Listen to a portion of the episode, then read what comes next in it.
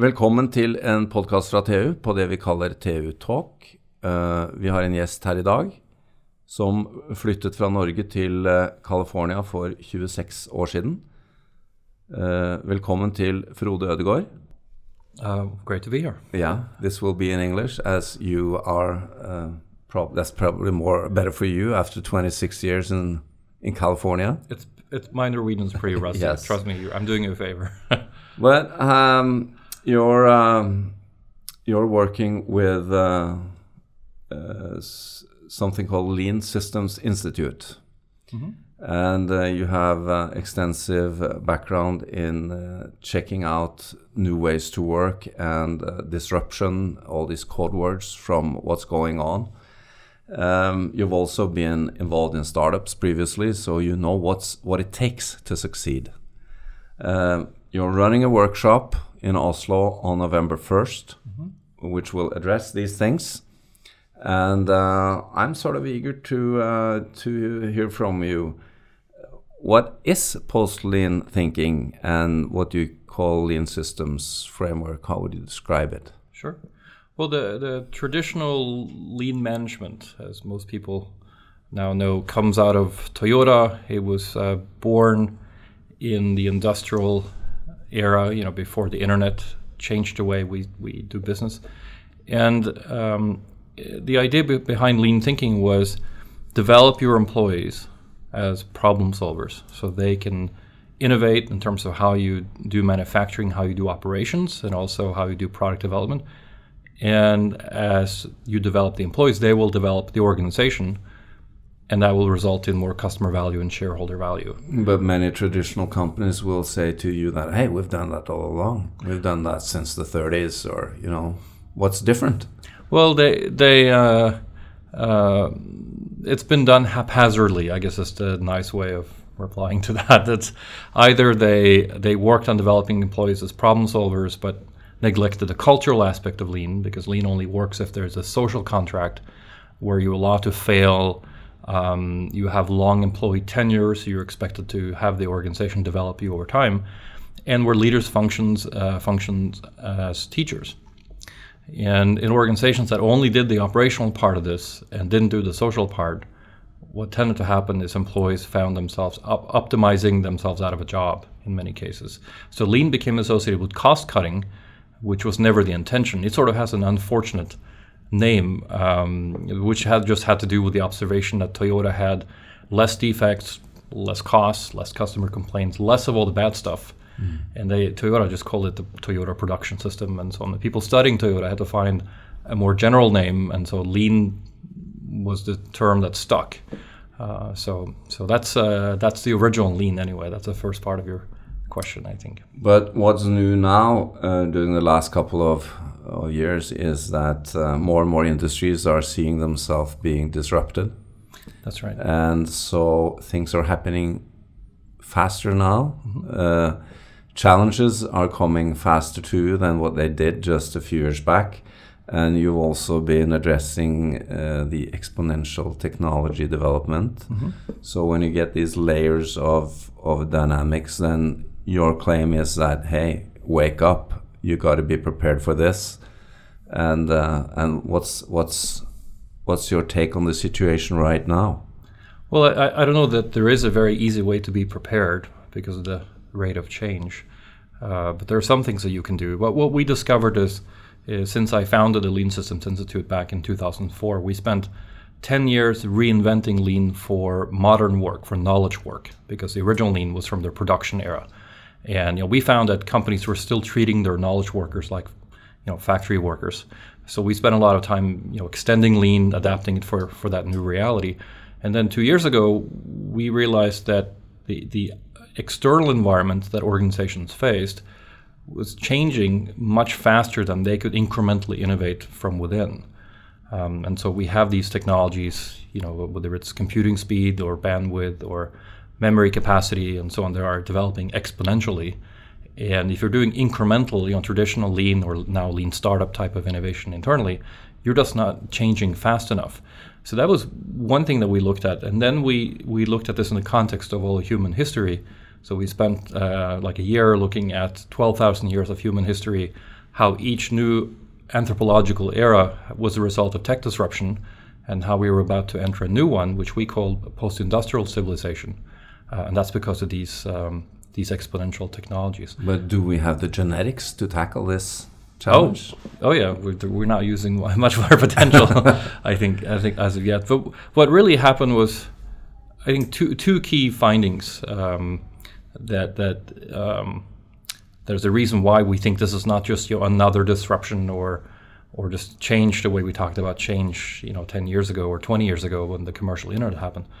Um, one was that the, the management layer, so the, the amount of stratification in organizations and in society, is collapsing. And that's because we can use the internet, we can use software to coordinate work, coordinate access to resources, whether it's cars or apartments or whatever that we need. And, uh, and the other is the fact that technology development itself is becoming exponential. And so these two trends, you know, the humans humans mastery of the external environment, technology, and the amount of layers of management or stratification in the organization and society, they've been increasing since over the last 10,000 years, ever since we invented agriculture. That's when we started getting pyramid organizations, you know, uh, hierarchies of, of, management and division of labor and so on. And now we're seeing that technology development is really taking off. It's going into the sky. Mm-hmm whereas stratification is collapsing and it's going down to where we were in the Mesolithic, which is the era uh, before agriculture.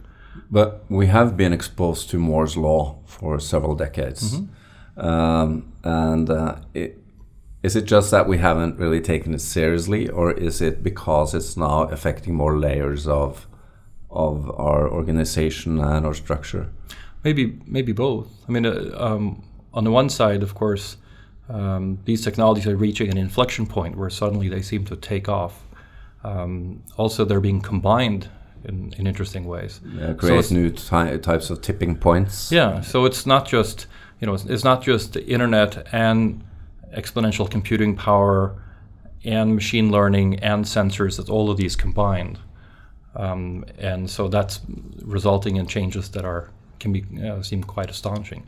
And then there's the fact that now organizational structure is being affected, and that's making us have to rethink how we design organizations and how we think about relationship between employers and employees and how we think about innovation because it's not enough to have a big boring traditional company and try to do disruptive innovation the, the very structure of the company has to change now in yeah, order for you yeah, to be able you to can't just up. buy the best hardware and software and, and believe that or the best people because the they're not going to stay with you no. it's so easy to go start your own company now is there nowhere to hide? Um, we don't think so, really. So this will affect all industries and organizations. Sure. Yeah. So there, there. This is going to happen in different parts of the world at different rates.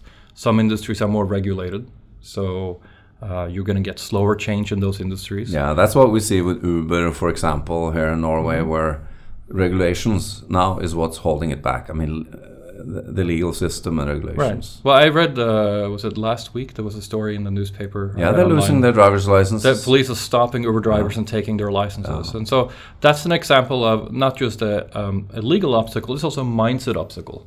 And, and so you get you see cultural changes between different countries in terms of how people in general are responding to this change, and as a result, you know how politicians, how the mindset then creates policies um, which deal with uh, or ignore or hamper uh, this type of change for sure. But okay, I I'm in charge of, of this company and I'm willing to take the challenge.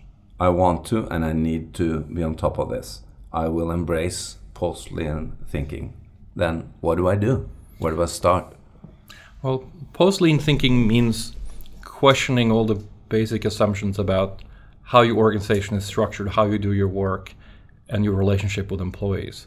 So I'll give you some contrast. So first of all, I have to talk to myself in the mirror. Uh, well, the the assumption that you're going to have a big stable company that's going to, you know, think long term and last forever, that's already becoming out of date, you know, as it is. So we know that organizational lifespans are decreasing.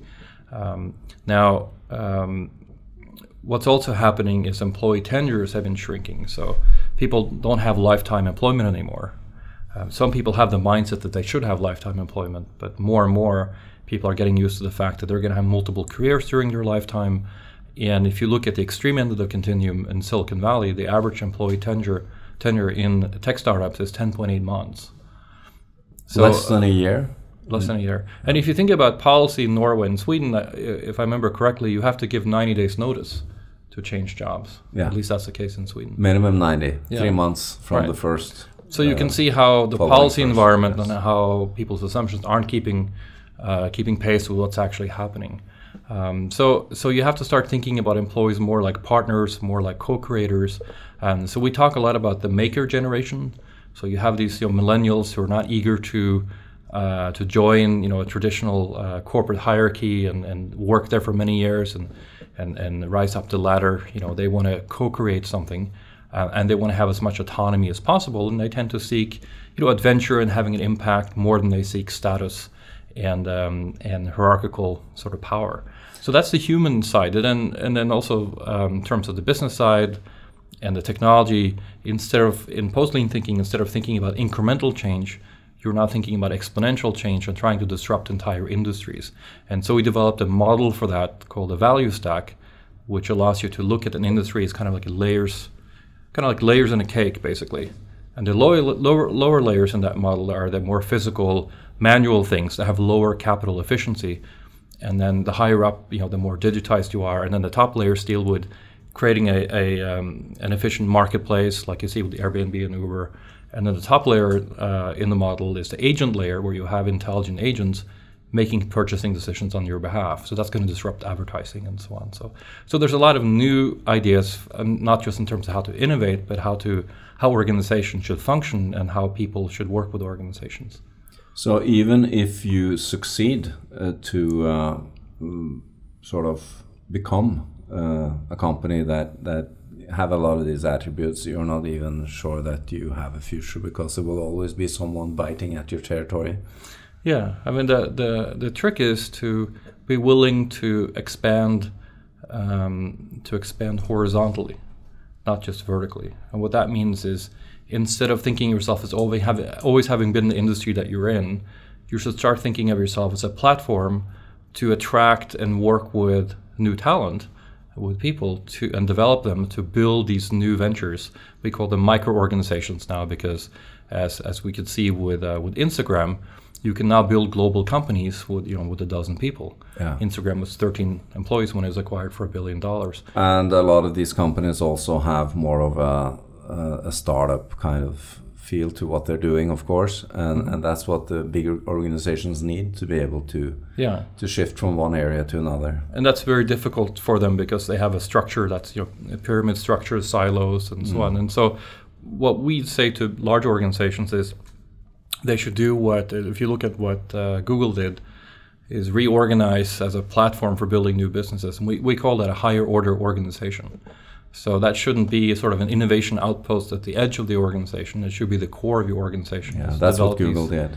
Yeah. So so Google has kind of done it on two levels. There's there's uh, Google X, which is for developing experimental new businesses, and then there's the the uh, corporate core now, which is more uh, more coarse grained, as it were. But but if you do this, then you become basically a factory for creating new disruptive uh, micro organizations, which will be highly automated, just in time organizations, and, um, and could be very short lived, which is fine because you want to try lots of different things.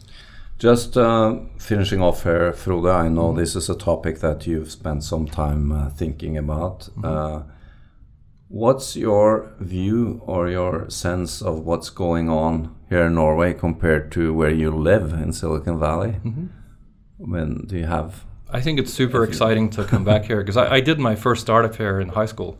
I started a software company in high school before I left for Silicon Valley, and so so then I couldn't find any venture capital, and nobody knew about startups really, and so on. Now all that's changed, and I feel like there's two Norways in one, two souls in one body in a way in Norway. There's a very traditional soul, very traditional culture where people like to watch television programs about Linear the districts and, and the, yeah well there's that too. But uh, you know about the districts and the old days and and nobody wants to change you know the employee employer relationship and they go on strike and and there's all of this that's the traditional Norway. And then you have the people who are doing exciting new startups. Um, and and of course the politicians are caught in the middle because they have to they have to appeal to sort of both constituencies. But I think this is an an uh, unstoppable process. You know, millennials will make up 75% of the workforce in just 20 years. So as old timers, we're going to die out anyway.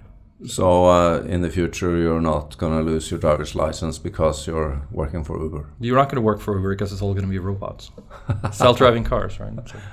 Very good. Yeah. Thank you for coming. you. Your workshop is on November 1st already, so uh, sign up and hear more about this. Great. Thanks for having me.